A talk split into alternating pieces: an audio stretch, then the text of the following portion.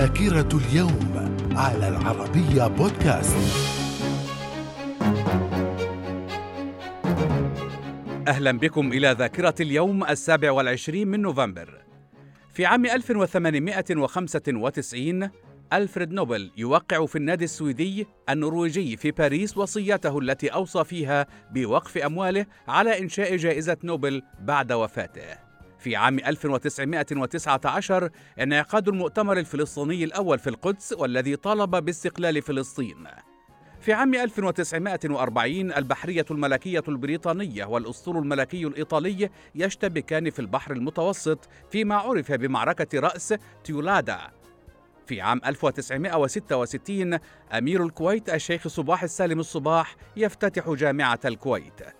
وفي عام 1984 تبادل السفراء بين الولايات المتحدة والعراق لأول مرة منذ عام 1967 في عام 1991 الولايات المتحدة والمملكة المتحدة تتهمان ليبيا بالضلوع في تفجير طائرة بان أمريكان فوق إسكتلندا وبداية ما عرف بقضية لوكيربي. في عام 2019 حرق القنصلية الإيرانية في النجف وإيران تطالب بمحاسبة المتسببين في الحادثة. والأمن يقتل العشرات في محافظتي النجف وذي قار التي شهدت مجزرة الناصرية. ورئيس الوزراء العراقي يعلن نيته الاستقالة. من الذاكرة. من مواليد اليوم السابع والعشرين من نوفمبر في عام 1857 تشارلز شرينغتون طبيب إنجليزي حاصل على جائزة نوبل في الطب عام 1932 في عام 1870 يوهو كوستي باسيفيكي رئيس فنلندا السابع.